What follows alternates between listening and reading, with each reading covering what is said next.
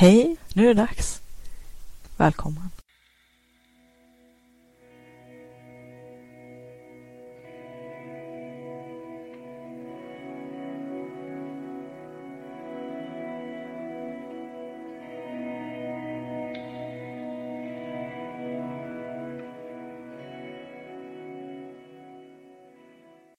Vill du uppleva mera kreativitet och flow, få mer kvalitetstid till ditt skapande och kreativa liv, mer energi och lust, tillgång till dina kreativa superkrafter? Då har du kommit helt rätt. Välkommen till Kreativitetspodden. Hoppas att du ska ha en trevlig lyssning. Vi skriver avsnitt 13 i den här serien om kreativitet och skapande. Och eh, vi har kommit över den farliga knixen. Det vill säga vi har passerat tio avsnitt med råge. Så snart är det nog dags att sjösätta den här podcasten. Jag tänkte lägga ut några avsnitt först eh, och så sen kanske portionera ut dem i lagom takt. Men det vet ju ni redan om ni har hängt med från början.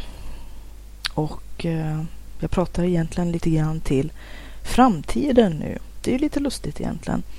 Att det här är en liten tidskapsel på det sättet att det jag spelar in nu det kommer att läggas ut sen och det som jag har spelat in hittills det ligger fortfarande inte ute. Men det kommer att komma ut förhoppningsvis inom en snar framtid. Och när ni lyssnar på det här så har det ju förstås redan gjort det. Det är ganska konstigt egentligen. En tidskapsel. Jag tänkte jag skulle prata lite mer om tidskapslar sen och brev till sig själv och sådana saker. Både till sig själv i framtiden och uh, om man hade kunnat skriva brev till sig själv när man var yngre till sitt framtida jag. Jag tycker det är ganska intressanta övningar. Men vi kan ju prata mer om det sen. Idag tänkte jag prata om någonting helt annat faktiskt. Och det handlar om att eh, jag nu sitter på mitt andra ställe. Jag har ett eh, kontor och eh, dit jag åker ibland, det är också en kurslokal. För att, eh, ja det är bra att ha en kurslokal ifall att man håller kurser förstås. Men framförallt så behöver jag en hel del omväxling för att må bra. Och det är lite grann det här som jag pratade om förut, att komma utanför sina bekvämlighetscirklar. För att vi har ju en tendens att eh, bli där vi är och som Newtons första lag, body in rest will remain in rest. Jag kommer inte riktigt ihåg den exakta ordalydelsen men en kropp som är stilla kommer att fortsätta sträva efter att vara i stillhet. Och det kanske kan stämma för oss människor också. Och eh, jag är en person som gärna jobbar i kampanjer och därför så och det är för att jag vet lite grann hur jag fungerar, att jag gärna vill kunna verkligen djupdyka in i och syssla stenhårt med en, en, ett projekt för att eh, känna att jag kommer framåt. Och därför så blir det oftast så att jag, jag kör i kampanjer. Och eh, det, det, är också för att motverka den här splittringen. Men ett sätt att eh, slippa köra fast det är att jag är på olika ställen. Och det är inte att jag alltid måste åka till mitt eh, kontor eller till min kurslokal där jag trivs jättebra. Där jag också har min eh, ateljé och syr en hel del. Utan eh, det kan räcka med olika stationer i hemmet.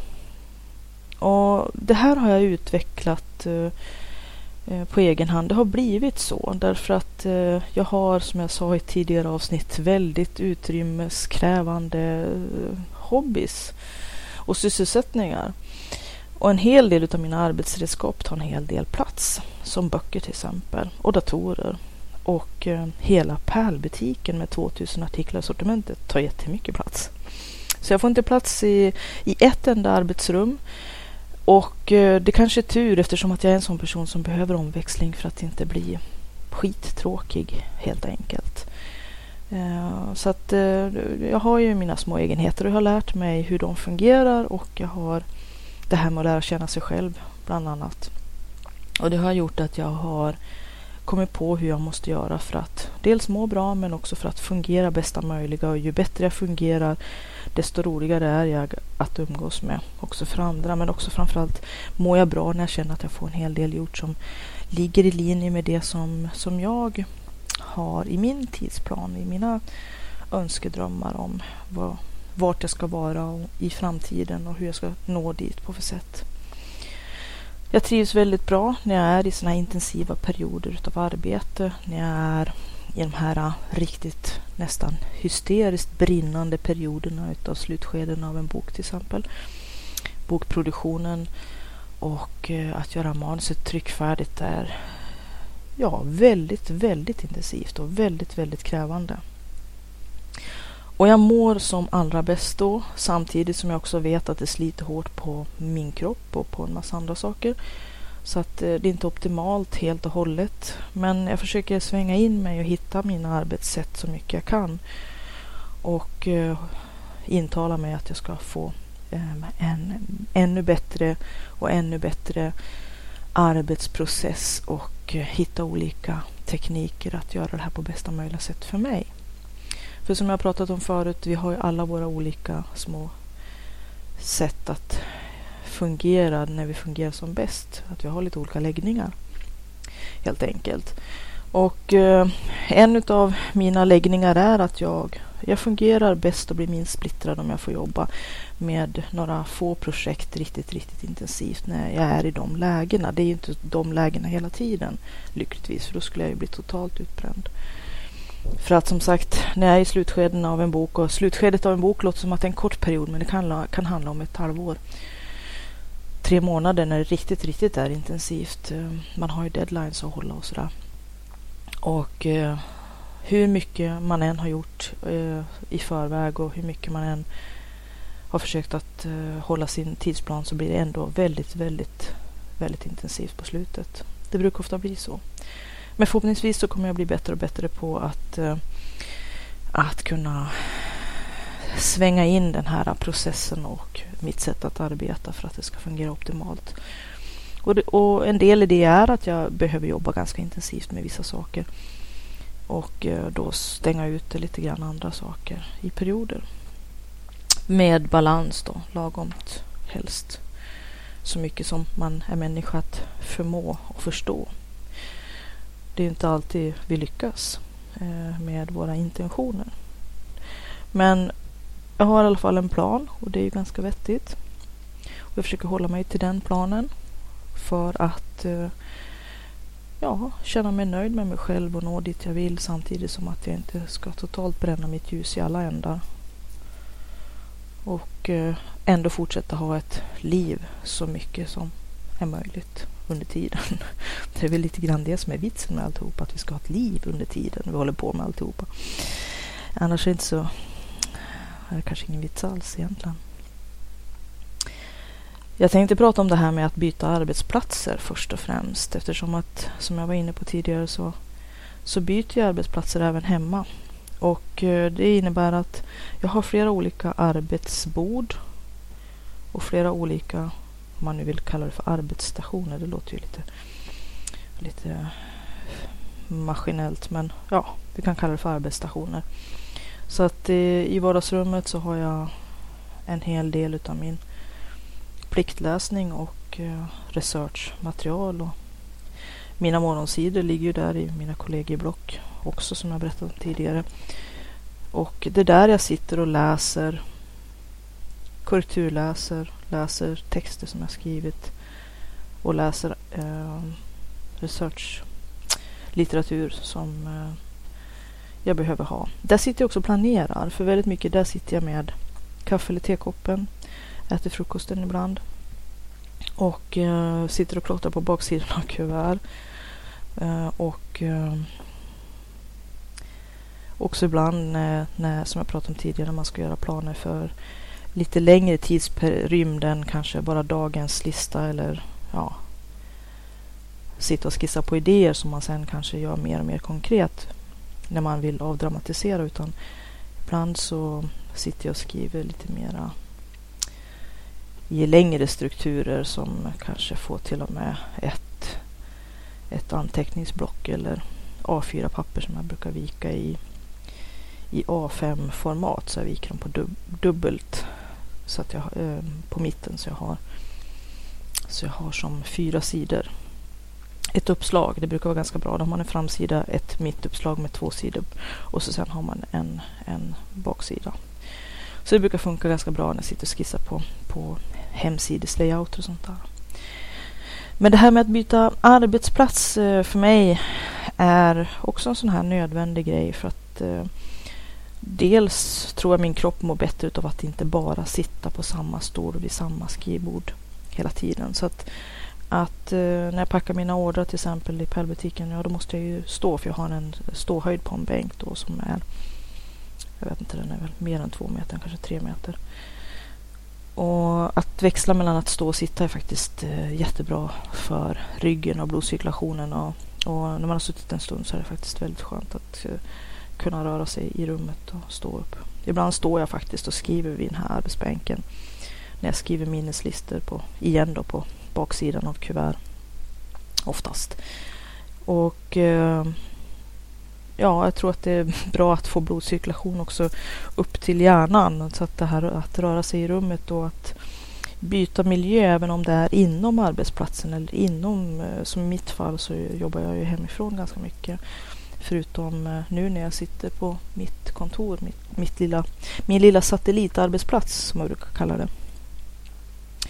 Så eh, emellanåt när jag ska läsa ett avsnitt som jag har skrivit eller läsa ett avsnitt i någon av de olika i, uh, olika utskrifter kanske från, från nätet eller utskrivna rapporter är det ju ibland. Det handlar om forntida järnframställning, arkeologiska sådana kan det ju vara till exempel eller, eller litteratur helt enkelt. Så, så sitter jag gärna i soffan en stund för att eh, byta miljö och byta ställe och sitta på ett lite annorlunda sätt. Jag är inte en sån person som särskilt ofta sitter med datorn i knät i soffan eftersom att den arbetsställningen är rena döden. Det är så eh, oer oergonomiskt så att det funkar kanske om man sitter och skriver på sin roman en halvtimme varje kväll eller sådär. Eh, eller varje morgon eller vilken tid man nu har avsatt för att göra det. Men eh, att sitta längre stunder och knappa på en dator i soffan, det är som sagt rena döden för, för kroppen. Så det rekommenderar jag inte annat än i undantag. Eh, om man kanske gör det lite grann för att komma in i någon annan trend eller få lite mera. Ja, det kan ju vara skönt att få, få byta arbetsställe. Har man bara ett arbetsbord och soffan och köksbord att välja på så ja, men då får man väl kanske växla mellan dem. Och eh, det man kan tänka på det är att eh, bärbara datorer inte mår så bra om de, om de är i knät eller på en kudde för det blir väldigt varmt och väldigt dålig ventilation. Så att, eh, det är bra att ha någon typ av platta eller så som man lägger sin dator på. Och att eh, halvhänga över ett lågt, arbets, eh, lå, lågt vardagsrumsbord är ju inte särskilt eh, bra för kroppen alls. Om man inte vill se ut som en ostkrok efteråt kanske. Men det där känner man ju själv, alla gör på sitt vis och eh, byter man ställning tillräckligt ofta då, då gör det kanske inte så mycket för att det är väl det här äh, som man har en tendens att göra både när man sitter och pärlar och när man sitter framför en dator att man sitter och även när jag sitter och syr så, så kommer man på sig själv med att ha suttit i samma ställning ganska monotont och ganska statiskt under väldigt lång tid för att man är så absorberad av arbetet ibland. Och sen när man ska resa sig upp eller måste röra på sig av något annat skäl så märker man oj, det där kanske inte var så jättebra egentligen. Så att eh, byter man eh, vilken ställning som helst är ju naturligtvis negativ om man gör det för mycket och alldeles för, för länge. Och, och det här monotona statiska är oftast det som frestar hårdast på kroppen. Byter man ofta som sagt bättre blodcirkulation och man belastar lite olika delar växelvis så att det inte är samma delar som hela tiden blir tvingade i någon eh, oftast onaturlig kroppsställning eller hållning som längden kommer att ge konsekvenser ungefär som nu när man upptäcker 17-åringar med gamnacke. Samma skador som förr i tiden medelålders svetsare har brukat uppvisa som har haft en jättetung svetshjälm på huvudet och kastar huvudet framåt varje gång de ska få skärmen att svetsskärmen att åka ner framför ansiktet och den är också tung. Som håller på med det och är medel, medelålders, det är ju ja, det är ganska skrämmande när 17-åringar har suttit och smsat och hängt över sina mobiler så pass mycket att de redan vid pass 17 visar samma skador. Det kommer inte bli ett roligt liv för dem i förlängningen med deras nackar. Så tänk på det, kroppen, hälsan. Det är en investering att sköta om sig själv. Inte bara psykiskt, fysiskt, eh, känslomässigt, eh, på alla plan faktiskt. Och att försöka inrätta sitt liv på sånt sätt att man, att man mår så bra som man kan efter de förutsättningar man har. Igen så hänger det ganska mycket på att själv skapa de förutsättningarna utifrån sina egna förutsättningar. Ingen föds, eller väldigt få föds med silversked i mun. Och livet är inte alltid en dans på rosor, utan man får försöka hitta de här äh, ibland ganska små enkla sakerna som, som gör livet lite, lite enklare. Eller ibland lite roligare. Och för mig är det lite, faktiskt lite guldkant att kunna krypa upp i soffan i, i, i perioder och, och, och, och, läsa. Men inte för länge för då känner jag ju att det är inte så himla bra kroppsställning för soffan är inte, är inte världens bästa arbetsplats. Som sagt, i längden. Men som, som eh, av, avbyte och, och omväxling så kan det vara helt klart värt. Så att jag brukar skämta och säga att jag har de allra, att jag har mest skrivbord per person i hela Sverige. Eftersom att eh, jag måste ha någon slags skrivbordsfetisch. För att eh, jag har ett antal arbetsbord och ar skrivbord och, och eh, arbetsbänkar utspridda på de två ställen där jag, där jag rör mig. Så att, eh, ja. Men det funkar för mig. Man kan sitta på helt andra ställen än där man bor också om man nu som jag jobbar mycket hemifrån eller inte helt enkelt har, har eh, tystnad eller ro eller kanske blir sliten utav en massa saker hemma om man vill göra, göra det här kreativa. Om man nu har sånt man kan ta med sig. Jag har suttit och pärlat till exempel på, på, på tåg och på, på semestrar på balkonger och vad som helst. Jag har en liten portabel pärlmatta och har lite påsar med mig och verktygen packade i en liten väska. Och jag har ju tagit med mig pärlorna hit också. Det var egentligen det jag skulle prata om lite grann. Jag har många trådar nu som jag försöker knyta ihop. Men eh, ibland kan det vara så att eh, sitta och stirra på disken eller kanske familj, små barn, anhöriga som sliter i en, telefoner som ringer och sånt där. När man hela tiden kanske blir störd i sin hemmiljö, då kanske man måste söka sig bort därifrån. Jag var inne på det lite grann tidigare, att man kan uppsöka bibliotek som har studieceller eller studierum eller kanske små um, undanskymda hörn där man kan få sitta med sin laptop om man nu sysslar med uh, bokskriveri till exempel. Uh, man kan sitta på kaféer där, där det är okej okay att sitta med, köpa fika naturligtvis, annars kommer inte eh, kaféinnehavaren att bli så jättelycklig. Men där man kan få sitta och fika lite, lite längre stund och där det kanske ingår påtår och man kan sitta någon eller ett par timmar. Där det är kanske lite lagom mycket liv men inte för mycket och att man väljer de tider och de platser som funkar för en själv och för omgivningen också. För det är ju kanske jobbigt om det blir för stökigt eller folk som om man känner många människor på ett ställe kan ju ibland vara bra att åka till ett ställe där man inte känner så många, grannstan till exempel. Eller när man är på resa. En del brukar sätta sig i hotellfoajéer, har jag hört talas om. Sitter man i sådana här olika väntrum så kan det vara ett bra tillfälle att ta fram, en del tar fram sitt hantverk. Det finns till och med folk som sitter och pärlar i väntrum.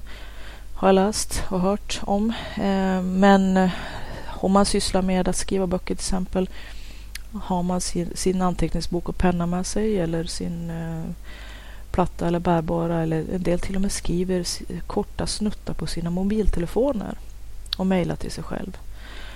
Så det finns en del böcker som har kommit till på det viset. En del sitter på eh, pendelresan eller i buss och tåg när man är på väg till och från jobbet. Den stunden kan man ju faktiskt få vara själv om man har ett hektiskt hemma och familjeliv och sitta och många romaner, många böcker har kommit till på det sättet. Folk har suttit och skrivit under tiden de pendlat till och från jobbet.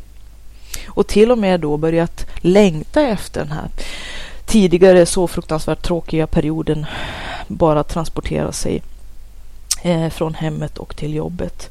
Sittandes på tunnel, i tunnelbanevagnen eller i, i bussen eller i tåget eller hur man nu... eh, bil kan ju vara klart olämpligt ifall att man själv kör. Men, men eh, i alla fall att utnyttja alla de här små utrymmena i, i vardagen som kanske annars skulle vara ganska bortkastade om man sitter och väntar till exempel i väntrum och sådana saker.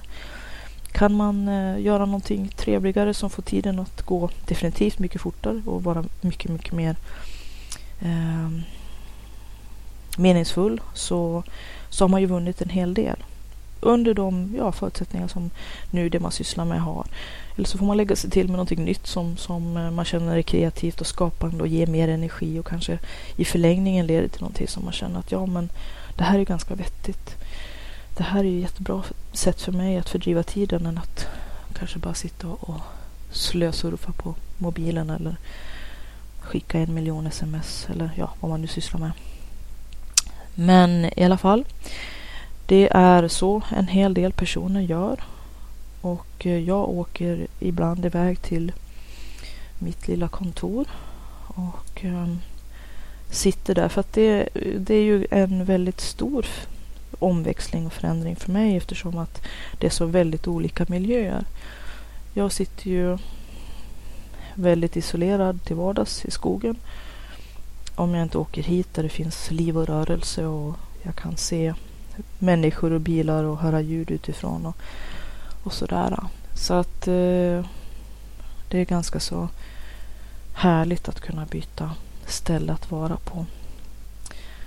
Och eh, också faktiskt kan ju också vara ett sätt att fylla på sin kreativa källa som kan vara en, en trevlig sån här äh, vardagsäventyrsgrej. Att man då och då ger sig ut på jakt efter nya ställen att sitta på.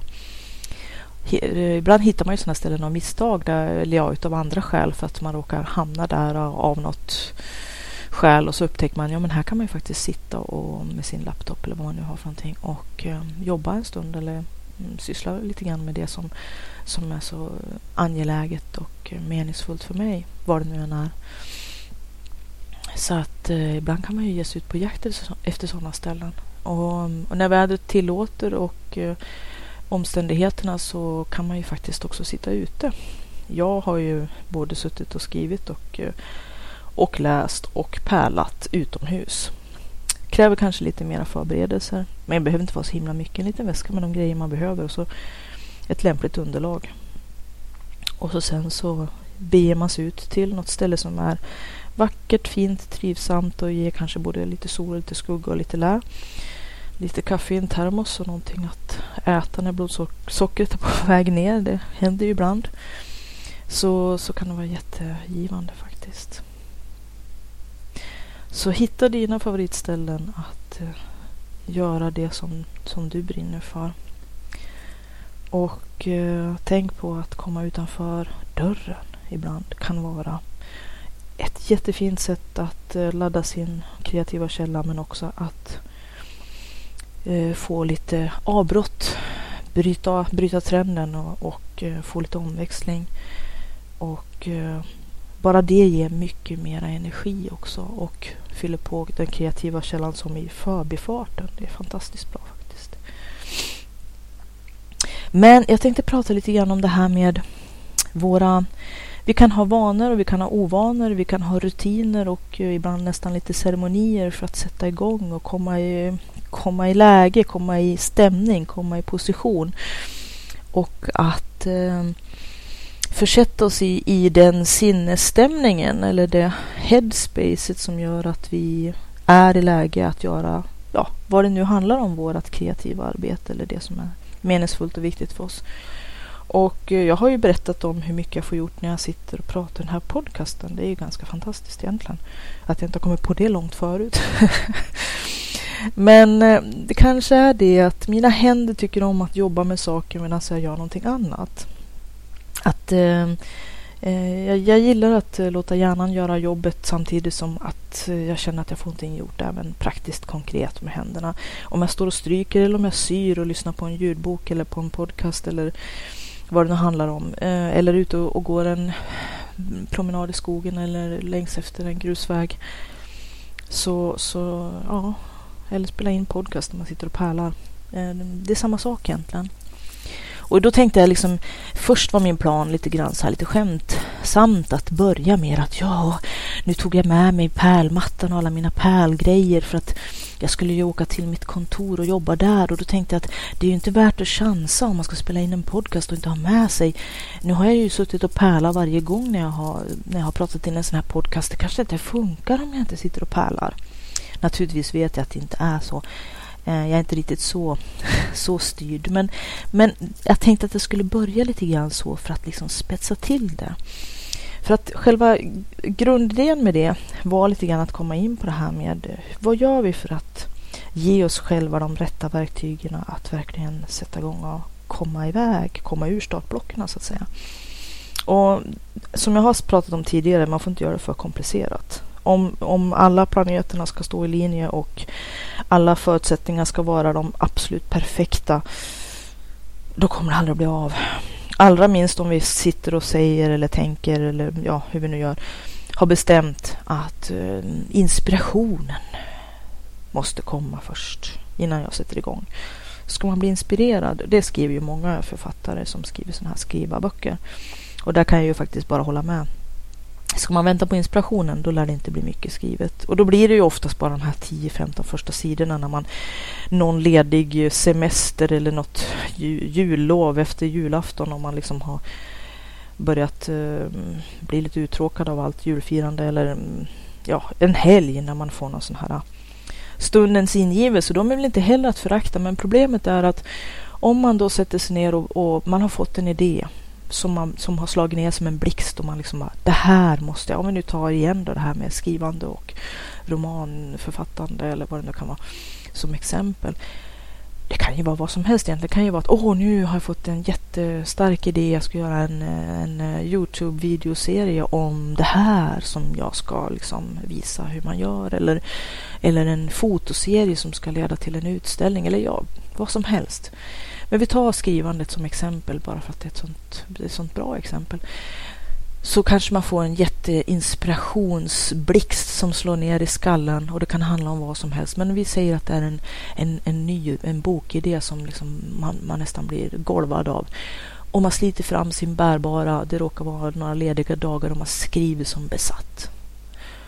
Och eh, sen blir det 10-15 sidor och rinner ut i sanden. Och det är lite grann, här har vi ju liksom flera problem. Det ena är ju det som händer när vissa, eller nästan alla faktiskt, vi är ju människor, vi är ju ganska lika på många sätt. När, när många plötsligt, också oftast brukar det komma som en, eh, en, en blixt. Det kan vara läkaren som säger att någonting har eh, börjat se ut som inte så bra eller att man ser på vågen eller att man känner att kläderna inte sitter så bra eller nyårslöfte eller vad det än är. Så kommer man på att nej, nu ska jag börja träna och så kör vi de här, eh, ska vi börja springa två mil om dagen från, från 0 till 100 varje dag. Det kommer ju inte att funka. Kroppen kommer inte att hålla, vi får massa skador. Och så sen så blir det ett jättestort misslyckande och vi blir jättebesvikna på oss själva och bittra för att det gick åt helsefyr igen.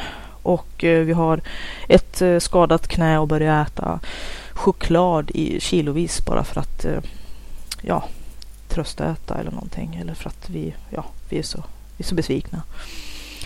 Och då har vi liksom inte då har vi kommit ur askan i elden. Det är det ena problemet att man, man sätter sig ner och man brinner för det här och så sen bara rinner ut i sanden och så blir man jätteledsen och det har hänt många gånger. Hur många sådana här påbörjade och inte avslutade projekt har inte de flesta och de tär ju, de tar ju så mycket energi. Egentligen det bästa skulle vara ta fram alla sina ouppklarade projekt och antingen kasta dem, ge bort dem, om det nu handlar om hantverk till exempel, den där halvsydda broderigrunkan. Det kanske finns någon i bekantskapskretsen som skulle kunna göra färdig den på en vecka. Om man bara sa, här har du, ta de här grejerna. Här är materialet och beskrivningen.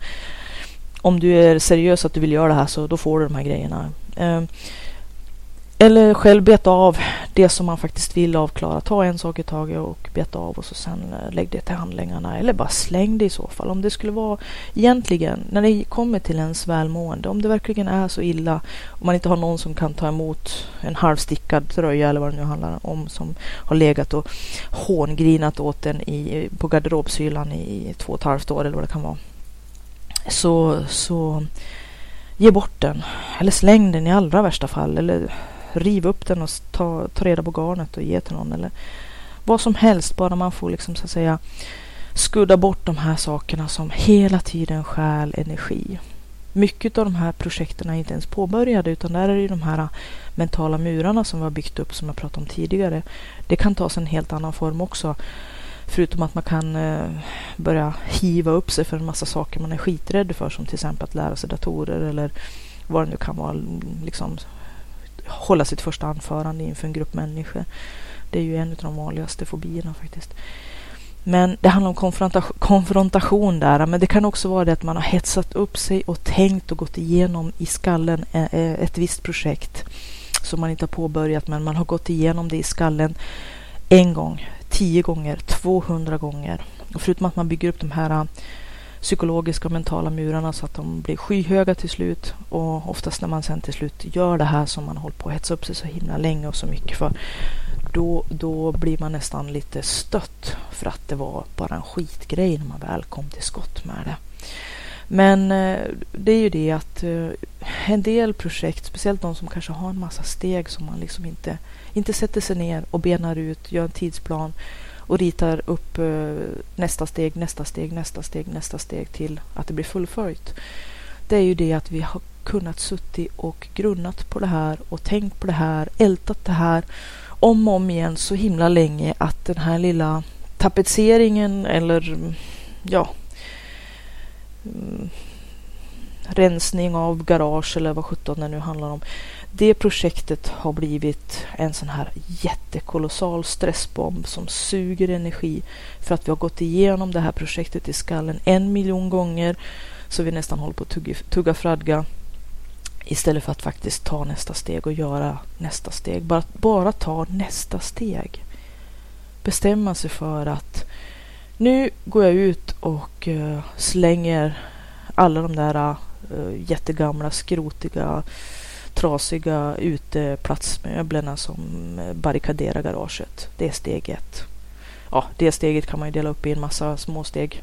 Slänga ut det på, på, på, på gårdsplanen eller uppfarten. Eh, hämta en släpkärra, ladda den och åka till återvinningen med det och ja, sådär. Ni fattar nog. Men eh, antingen bestämma sig för att projekt A, B, C, D, E, L, I, e, X eh, och så vidare, hela alfabetet och alla siffrorna. Skriva ner dem först. Skriv en lista på allt som håller på att koka i ditt huvud så att det nästan kokar över. Och så sen prioritera stenhårt. Vissa saker håller vi på att älta och älta och älta men vi kommer inte att göra det. Vi kommer inte att göra det. Antingen för att vi inte kan eller för att vi inte vill. Oftast för att vi inte vill. Vi vet att vi borde, men egentligen är det inte bättre att vara ärlig med sig själv och tänka nej, jag kommer inte, jag kommer aldrig att göra, jag vill inte. Stryk det från listan. Eller delegera, låt någon annan göra det. Någon annan i familjen eller lej någon. Eller byt tjänster med någon annan, gör någonting roligare. Om du rensar mitt garage, jag pallar inte att se skiten. Och du har ju släpkärra så kan jag bygga din hemsida. Deal, liksom himla bra. Också ett väldigt lämpligt nätverkande. Eh, bara att man ser till att man är tydlig med varandra och bestämmer i förväg, förhandlar vad som ska ingå i dealen så att det inte sen blir osämja på grund av att man har haft egna tolkningar om vad det man har bestämt har eh, innefattat eller inneburit och sådär.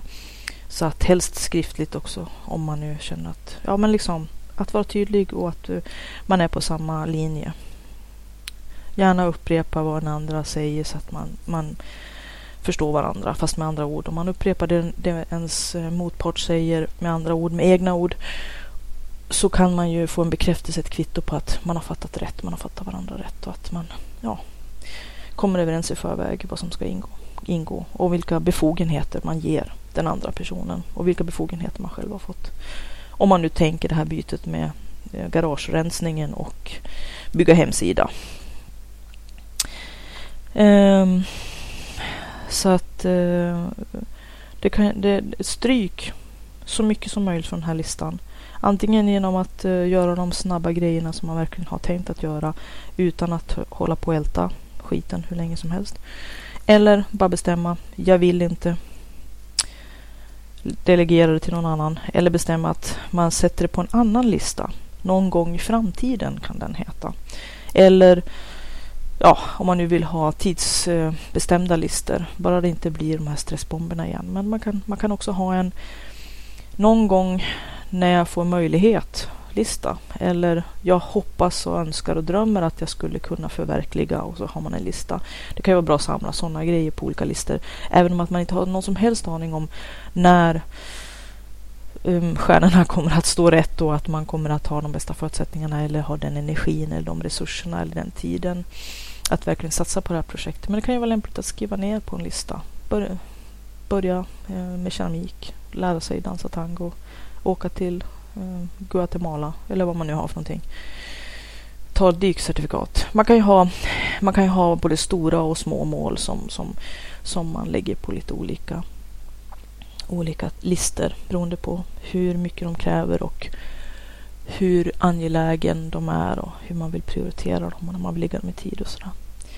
Lägga in det som, som är så pass konkret att det faktiskt kommer att hända, att man faktiskt vet att det här ska jag göra, det här vill jag göra. Vill är ett väldigt starkt ord här. I den här listan över saker man har tänkt sig om, ja, tio månader, ett och ett halvt år, tre år, fem år, sju år, tio år. Att man har den här planeringen för kort och lång och mellandistans helt enkelt. Men eh, tar man bort alla de här uh, sakerna, de här projekterna, ofta så är de ju i en skalle och surrar runt som ilskna getingbon. Kan man ta bort dem och om man nu har en massa sådana som ligger och grinar åt en i, i, på hyllor och på ställen som den här halv, halvstickade tröjan eller det halvfärdiga eh, broderiet så, så släng om du måste. Ge bort om du kan. Eh, eller göra färdigt. Fast eh, i närtid så att du inte kan fortsätta stjäla tid. Och ibland kanske man helt enkelt måste vara ärlig med sig själv. Har den där förbannade halvstickade tröjan legat i min garderob i två och ett halvt år. Och nu gillar jag inte ens längre färgen på garnet och modet uh, har galopperat iväg så att jag känner inte att jag vill ens använda det här plagget. Eh, om det nu kan vara så illa. Eh, så mm, då kanske man ska vara ärlig och tänka att nej, varför ska det ligga i min garderob och skrota? Igen det här med rensa i röran. Fixa omgivningarna. Fixa så att du har allting. Så mycket du behöver för att vara på plats utan att lura dig själv. Så att eh, du kan andas lite lättare. Lättare att hitta, mycket mer tidseffektivt och du slipper ha en hel del av de här stressbomberna ligga och hångrina åt dig på olika platser i ditt liv. Oftast är de utav mental karaktär, alltså det sitter i psyket. Och det är väl lite grann det jag tänkte prata en hel del också om. Jag kommer inte riktigt på den här tråden, det som jag egentligen tänkte prata om under den här podcasten. Det här med att jag hade tagit med mig pärlmattan och alla pärlgrejerna hit för att jag skulle spela in en podd. Tänk om det inte skulle lyckas. För att det är ju så här att eh, många gånger så måste man kanske ha vissa rutiner eller vissa saker som, som man vet gör att man kommer igång. Om man tänker som Ingmar Stenmark på sin tid. Han hade ju en, en sån här eh, trigger. När han lyfte, liksom han drog ut glasögonen eh, Eh, en bit från, från ansiktet, slalombrillorna och så sen eh, släppte ner dem i ansiktet. Det var hans startsignal. Man ser ju många av de här idrottsmännen har mycket kufiska saker för sig. De har en del både längre och kortare ceremonier eller tics eller triggers. Små ritualer som de utför för att liksom komma de har ju liksom programmerat sig själva, de har ju laddat sig själva för att komma i position, komma i läge, direkt komma in i sitt headspace. När de får den, den här äh, automatiska inprogrammerade, det här fokuset, det här flowet direkt liksom. Så att de får laserblick. Och lite grann det kan man ju faktiskt också använda i sin, i sin vardag när man vill äh, komma i läge för att göra saker. Äh, det som jag ville också prata lite grann om var ju att eh, det gäller att se det här eh, med lite klara ögon så att man inte bygger egna fällor plötsligt. För igen kommer vi in på det här med att ja, alla stjärnorna ska stå på en rak linje och det ska vara en torsdag och en svart katt ska gå över vägen och eh, helst av allt ska vara midsommarnatt och man ska dansa runt midsommarstången och mm, sju gånger och säga ramsa. Om man kommer in i sådana komplicerade och krävande ritualer eller eller att det krävs så himla mycket för att man ska komma i läge, då har man fått ett problem. Så det gäller att hålla det här i schack. Ingmar Stenmark, hans lilla tick, eller trigger, var ju faktiskt ganska perfekt. Slalombrillorna sitter alltid i ansiktet när man ska åka ner för slänten och eh, han lyfte bara lite grann på dem för att få dem i position i ansiktet. Eller liksom luftade dem. Och det var ju en gest som tog, ja, inte, inte ens kanske ja, någon sekund. Och det var ingenting som krävde så himla mycket utav omständigheter och allt runt omkring utan det var en mental fokusering som han gjorde. Det här är min egen tolkning. Jag tror att det är så. Eh, men man ser ju också som sagt en del spjutkastare som står och, och liksom som väger av och an på, på en fot, gungar lite hit och dit och det ser man också de som hoppar tre steg och sådär. Eh, även de som ska göra sprinterlopp, de har lite olika sådana här ah, prylar för sig. Men det gäller fortfarande och för dem är det ju ännu mer angeläget eftersom att en hel, en hel OS-stadium sitter ju inte och väntar i en och en halv timme eller tre veckor på att de ska komma till skott utan där gäller det ju att eh, eh de här ah, ticsen eller ritualerna eller de här triggersen är ganska raskt överstökade. Och helst av allt att de fungerar. För att Eh, om, om det kommer an på att man måste göra det på exakt, exakt rätt sätt för att det ska inom citattecken fungera. Då blir det lite vidskepelse med det hela som jag tror att man inte ska börja spela med. Utan för mig så är det det att eh, som det har varit och här har jag ett litet problem. Det är det att kaffekoppen bredvid mig när jag sitter och jobbar och att ta en liten slurk kaffe emellanåt. Det har varit min lilla nu arbetar jag. Trigger. Men, och för det är väl en ovana från då när jag jobbade på ett ställe att vi drack väldigt mycket och väldigt starkt kaffe. Eh, men i längden så mår ju det inte någon hälsodryck precis. Så att i längden så är det ju inte sådär jätte, jättebra att häva i sig tre kannor kaffe för att man ska komma i position att jobba. Så då måste man ju kanske hitta lite andra lite mer hälsosamma triggers och helst inte sådana som, jag menar som kaffe, det är väldigt lätt att råka skälpa ut det över tangentbordet och då kan ju flera månaders arbete vara ett hälsefyr. Det skulle vara extremt tragiskt. Så att, eh, nu har jag kaffekoppen bakom ryggen på ett annat bord oftast eh, så att jag inte riskerar att hälla det i datorn och så sen får jag lov att eh, flytta stolen lite grann för att kunna ta en liten slurk. Så att, eh, det blir inte den här automatiska rörelsen att jag liksom som häver i mig en, en mun kaffe var, var tionde minut eller, så, eller tionde sekund. Så det går åt lite mindre kaffe och så. Men eh, jag eh, har ju som sagt några triggers som jag har pratat om förut. Att medan jag jobbar i ett projekt så kan det bli väldigt intensivt och då kan det vara totalt kaos. Som man har slängt in en handgranat i en redskapsbord. Och efteråt så, så kan jag nästan häpna över hur det ser ut. Men ofta så är det ju ganska fort. Dels har alla mina grejer en fast plats så det är väldigt snabbt att eh, låta all, alla, alla grejer som jag dragit fram eh, återgå till sina respektive stationer och parkeringsplatser och garage. Um, men eh, när jag väl ska sätta igång med någonting nytt eller när jag ska ja, inleda. Jag vill ha a clean slate som de säger på engelska. En ren tallrik, ett ren, ren, hyggligt renrakat skrivbord. Att jag vill känna att jag har jag har betat bort mycket av de här stressbomberna men också att jag har hygglig ordning runt omkring mig. Att åtminstone när jag startar så ska allting vara i position.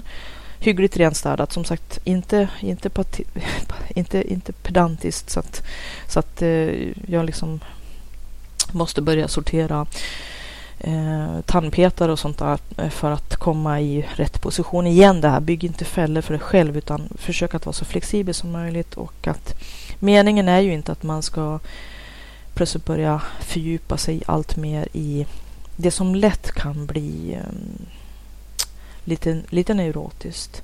Att om jag inte um, släcker och tänder lampan tre gånger eller tar i handtaget på det och det sättet. Eller ja, det här vidskepelsen i vardagen igen då kan ju lätt leda till att man um, kommer in i vanor som sen plötsligt börjar sluka helt och hållet en själv och gör allting mycket, mycket komplicerat. En del som till slut har så mycket ritualer och ceremonier och saker som måste stämma innan de ska komma utanför dörren att det tar jättelång tid för dem att göra det. Och det är klart, nu finns det ju en del diagnoser naturligtvis.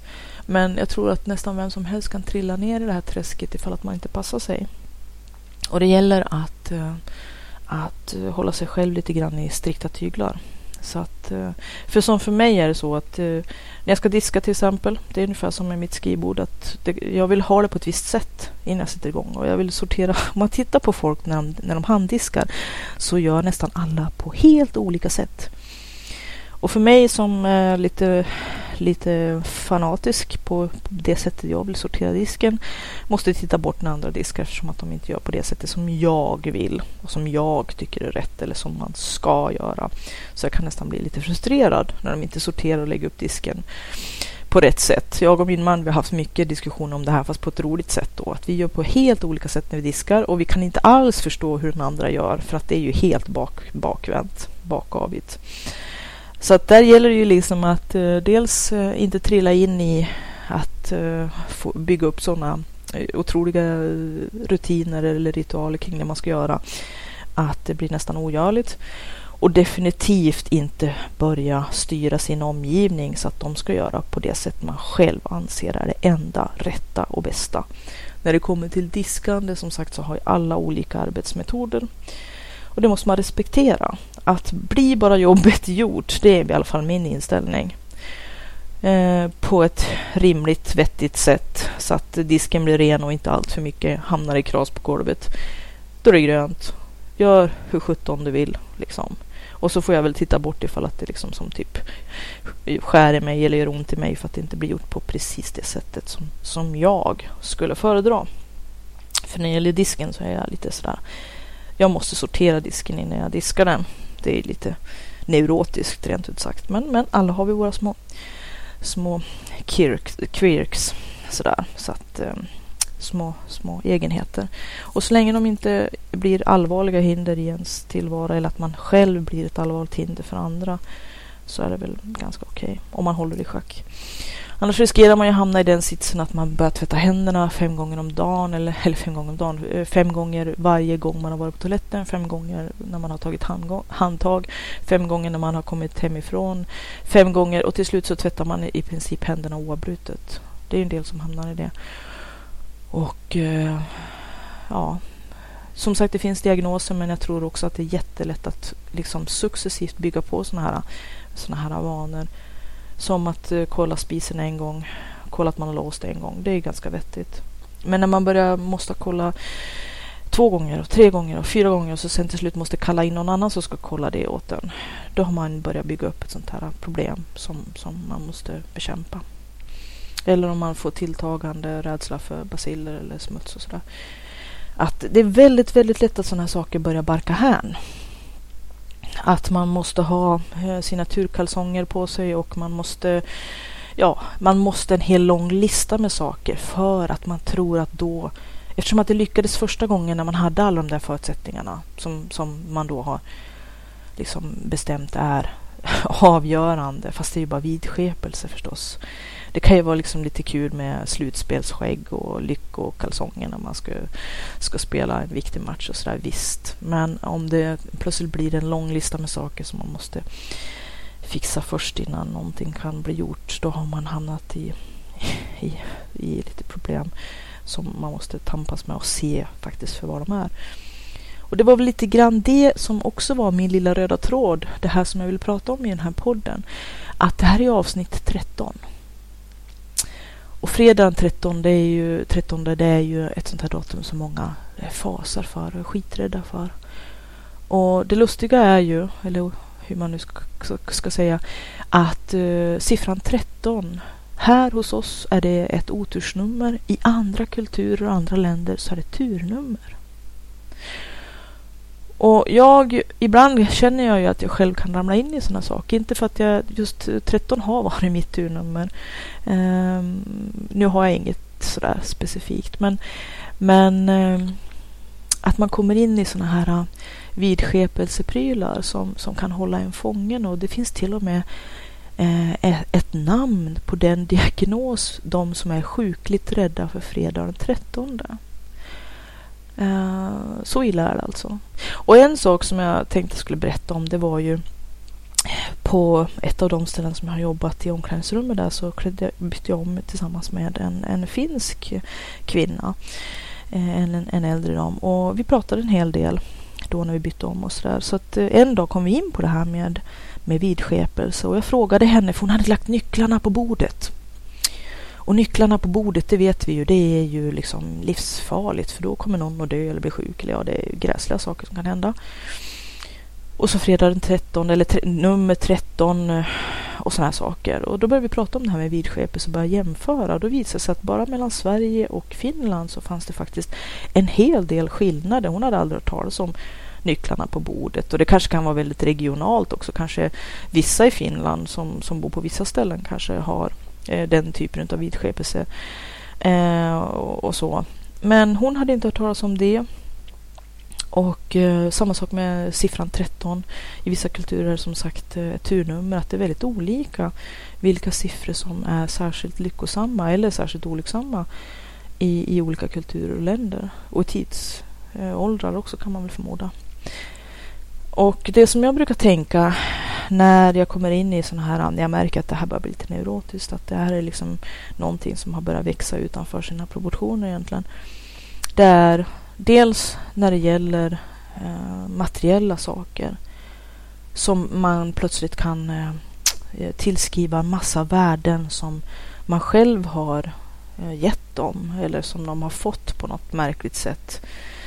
Eh, ofta brukar det handla om pengar naturligtvis, det är väl det mest givna, men också sånt som, jag menar om man har turkalsongerna så går de sönder eller man bara till slut måste kasta dem. Eh, stor katastrof. Kommer ju aldrig att spela en lycklig eller en bra match i resten av sitt liv. det är att jag brukar tänka när jag faller i sådana grop att det är bara döda ting. Det är bara döda ting. Och samma sak det här med datum också om man tänker efter våran, eh, våran kalender och våran tidsskrivning. Den är ju påhittad, man-made. Och vi har haft olika sorters kalendrar över, över eh, ett antal tusen år här beroende på vems, vems ordning vi följer. Och också om man frågar hur, eh, olika kulturer, olika religioner och som sagt olika tidsåldrar och olika eh, epoker har ju olika tidsräkningar. Så det är ju liksom påhittat. Det här med vad dagen och siffran på en, på en vecka eller liksom ett datum är. Det är ju, det är ju liksom, fråga, frågan är ju bara vilken kalender vi följer. Samma sak med stjärntecken. Man kan ju titta, det finns ju kinesiska stjärntecken och vi har ju våran vanliga zodiak och sådär. Så att, eh, att hålla vidskepelsen eh, i schack, det är någonting som jag tror är väldigt viktigt för att eh, inte bli offer för omständigheter som inte ens är några omständigheter. Några vidskepliga saker kan jag faktiskt känna en viss att det, jag menar, det kan finnas ett korn av praktisk bakgrund som gör att det har blivit vidskepelse. Det kan ju vara till exempel att gå under en stege det är ju någonting som eh, många är jätterädda för, för att då, då kan man i princip gå hem och lägga sig och dra täcket över huvudet direkt, för då kommer hela dagen att gå i stå. Men egentligen, att gå under stegar, det är ju faktiskt ganska farligt. Jag menar, man ska aldrig gå under hängande last och gå under en stege eller en byggnadsställning eller eh, en lyftkran med någonting i kroken. Två ton tegelsten till exempel. Det eh, kan vara lite opraktiskt eh, för ens hälsa. Så där kan det faktiskt finnas en, en praktisk anledning. Nycklarna på bordet, ja, i en väldigt, väldigt eh, lång sikt kan man väl tänka att då är de väldigt synliga och kanske förr i tiden när kanske husmor hade hand om nyckeln till, till um, ens um, Ehm, matförråd kanske skulle kunna vara ganska angeläget att ha koll på den nyckeln så att det inte skulle kunna hända någonting. Så att, att lägga nyckeln på bordet kan ju vara en ren skyddsåtgärd även det kanske, eller var kanske. Är man hemma hos sig själv och nu för tiden så lever vi ju i enfamiljers hushåll eller till och med kanske i singelpersons hushåll. Men på den tiden så levde man ju rätt många människor i ett hushåll som om visthusbordsnyckeln eller skafferinyckeln eller brödlådans, eh, förr låste man ju till och med in brödet. Eh, om de nycklarna låg för öppen ridå eller obevakade så skulle ju faktiskt vad som helst kunna hända för att det fanns ju rätt många människor i sådana här stora hushåll och alla kanske inte ens hörde till hushållet. Så att, eh, ja, vad vet jag, en liten utvikning. Gå inte under stegar. Det är hängande last. Det kan ju vara ganska sunt egentligen. Eh, men ehm,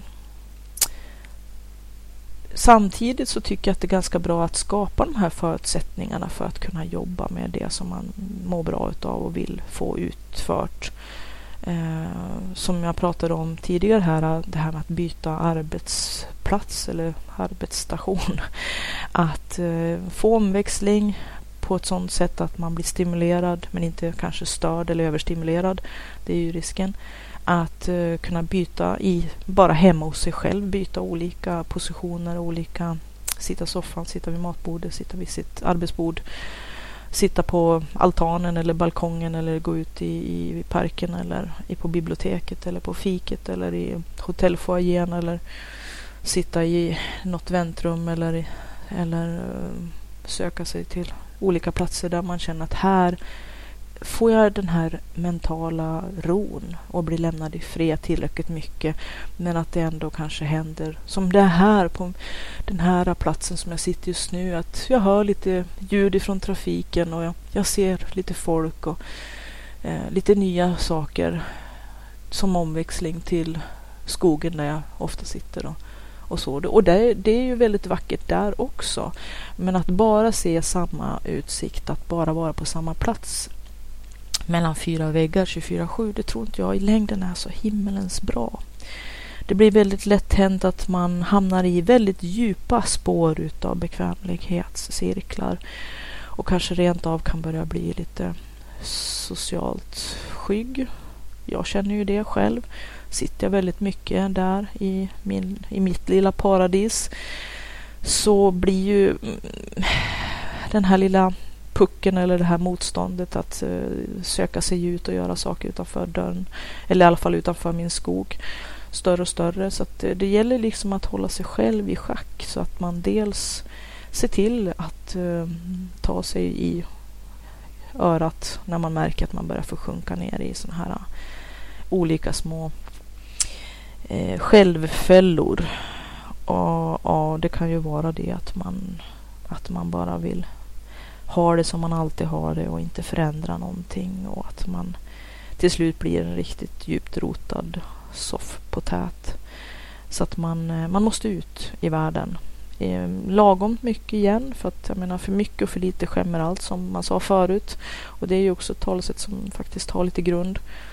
Är man bara ute och um, stuffar runt, träffar massa folk och är ute på en massa begivenheter så kanske det handlar om att man försöker ehm, distrahera sig, att det blir med för mycket av det goda eller att man ehm, ja, inte har tittat över sina prioriteringar. Man ska ha avkoppling, man ska ha återhämtning, man ska ha socialt uh, umgänge och man ska trivas uh, också naturligtvis. Men om, om det liksom blir ens favoritdrog, som jag pratade om tidigare, någonting man, man ägnar sig väldigt mycket eller ensidigt åt för att liksom fly eller slippa någonting annat, då måste man titta lite grann på det. Det är väldigt, väldigt uh, mycket bitar att tänka på när man vill försöka närma sig den man är och sitt autentiska jag och få tillgång till sin kreativitet. Och jag har pratat ganska mycket om det. Jag har pratat en hel del om det här med att hitta sitt autentiska jag och att eh, fylla på sin kreativa källa och eh, komma utanför sina bekvämlighetscirklar. Och den största bekvämlighetscirkeln som vi faktiskt har, det är att försöka undvika att vara sårbara det är någonting vi är dödligt, dödligt rädda för, för att det är verkligen jättejobbigt. Och sårbar ska inte förväxlas med svag. För sårbar, det är att visserligen blotta sig för och vara beredd på att kanske lida skada om man till exempel visar sina känslor eller visar upp det man har skapat, det man har gjort för eh, andra och kanske riskerar att de inte förstår eller uppskattar eller, eller kanske till och med är kritiska och negativa eller avvisar en och sådär. Inte ger en bekräftelse helt enkelt. Det är ju jättetuffa saker. Men att om man inte vågar vara sårbar, jag menar om jag inte skapar eller vågar visa det jag har gjort eller tala om för någon att jag tycker om dem eller tala om vilka känslor jag faktiskt har. Eh, att visa kärnan i sig själv, visa sina rätta färger helt enkelt. Ja, då har man ju rippat sig själv på sitt autentiska jag. Man har rippat sig själv på möjligheten att få ett fullödigt liv. Och man har rippat världen på den man egentligen skulle vara. Det man egentligen skulle ge. För att det här med att uh, hantera motgångar, det är någonting som man successivt måste lära sig. Det här med lite tjockare skinn och ändå motarbeta den risken att få för tjockt skinn och kanske bli desillusionerad eller cynisk eller helt enkelt bara sluta utsätta sig, sluta vara utanför sina bekvämlighetscirklar. Bara göra det som man ehm, eh, vet att man inte riskerar någonting. Att bara köra safe. Köra på säkerhet och säkra odds varje gång. Liksom. Det, det, det är att vara i sina bekvämlighetscirklar så djupt att eh, man, man eh, kommer att rippa sig själv på sitt autentiska jag. I alla fall är det min, min uppfattning. Men att vara sårbar är eh, oerhört ehm, smärtsamt kan det vara och, och, väldigt krävande och det är någonting som vi flyr för det mesta och kämpar emot med näbbar och klor. Men det är också faktiskt den snaraste vägen till att faktiskt ehm, Vågar man vara sårbar och visa tillit till sig själv och till sin omgivning och vara beredd på att ibland gå på en, eh, en eh, förlust, uppleva ett misslyckande och kunna ta det. Eh, livet är inte eh, strömlinjeformat och, och utan friktion eller, eller konflikter. Man måste hantera sånt här och jag vet det är jättesvårt eftersom att jag själv är en väldigt känslig människa och eh, har fått jobba jättemycket med det här. Så att, eh, att visa sig sårbar men ändå någonstans kunna tackla det som kommer utav att man visar sig sårbar. Och samtidigt eh, när man vågar sårbarhet, vågar vara sitt autentiska, ärliga jag så kommer vinsterna också. Och det är klart att eh, det är inte enkelt att vara sårbar eller känna tillit. Men det är enda sättet. Speciellt om man är en person som eh, känner att det här med kreativitet och skapandet betyder så mycket för, för ens livskvalitet så måste man utsätta sig, våga utsätta sig. Och kanske man inte behöver mm, göra det allra värsta på direkten. Man kanske kan ta det lite steg för steg och successivt lära sig eh, hantera sin egen sårbarhet och framförallt kanske också hantera andras reaktioner på sårbarhet. För att eh, eh det här är ju inte en enkelriktad grej. Det här är ju i samspel med andra. Att våga tillit och sårbarhet och att få det tillbaka. Och de personer som, som håller streck som fixar det här, som är ganska mycket sina autentiska och ärliga jag gentemot en själv. Ja, de har ju bevisat sig. Inte att de ska ge um, bekräftelse och liksom applådera allt det man gör. Och tvärtom egentligen. Det kan vara nästan det svåraste att faktiskt säga verkligen vad man känner och tycker. Men naturligtvis på ett sätt så att man inte onödigt sårar andra faktiskt. Det finns ett ansvar här också. Men att inte bara stå och, och säga ja tack amen till allt som alla säger. För att Eh, ja, då är man ju en ja-sägare eller någon som stryker alla medhårs för att undvika konflikter eller för att faktiskt också undvika sårbarhet och att utsätta sig. Att det är obekvämt att faktiskt ha civilkurage nog att vara sitt ärliga, autentiska jag. Det är inte någonting som kommer gratis. Absolut inte. Jag har jobbat med det här hela mitt liv faktiskt. Och själv, fullärd kommer man aldrig att bli. Men man kan i alla fall komma närmare och närmare den här, den här kärnan i sig själv. Att våga mer och mer eh, successivt. Utsätta sig för saker steg för steg och erövra mer och mera land. Mer och mera områden och sätt och platser och eh, saker som där man kan vara sårbar och vara sitt ärliga, autentiska jag.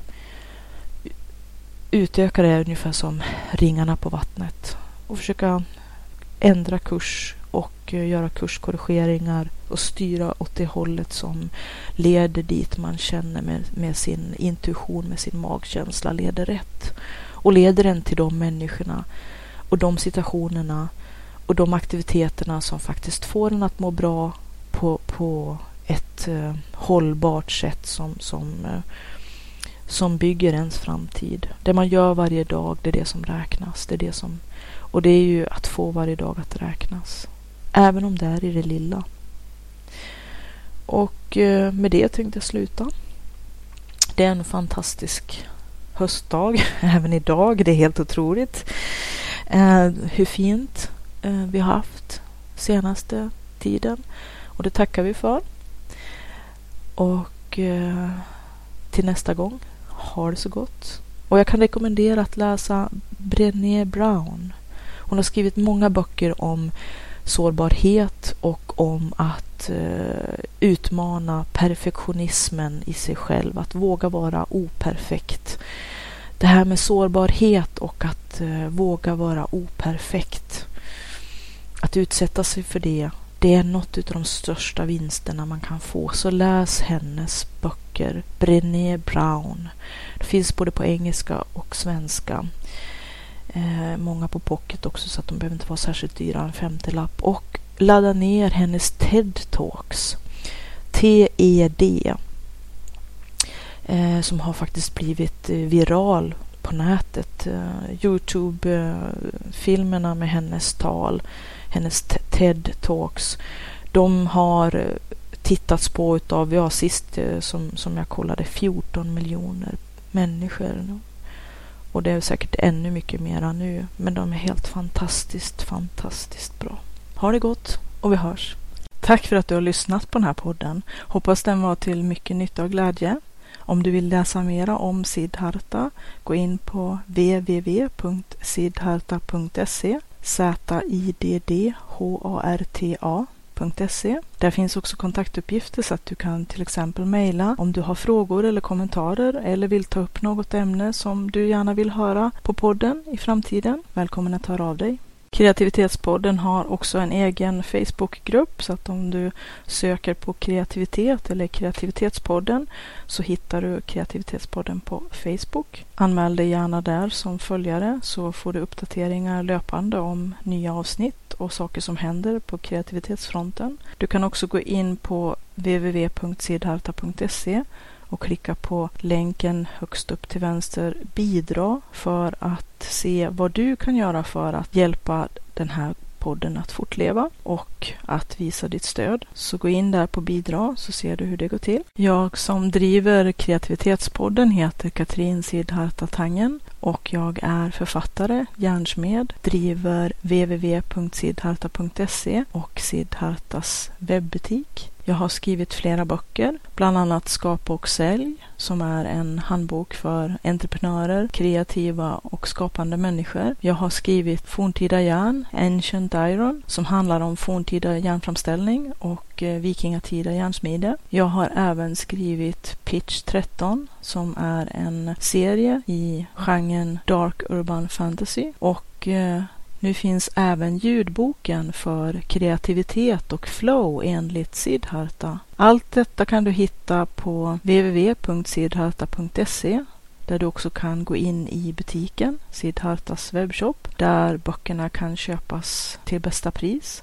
Böckerna kan också hittas på Bokus och Adlibris och på de vanliga ställena där du köper böcker.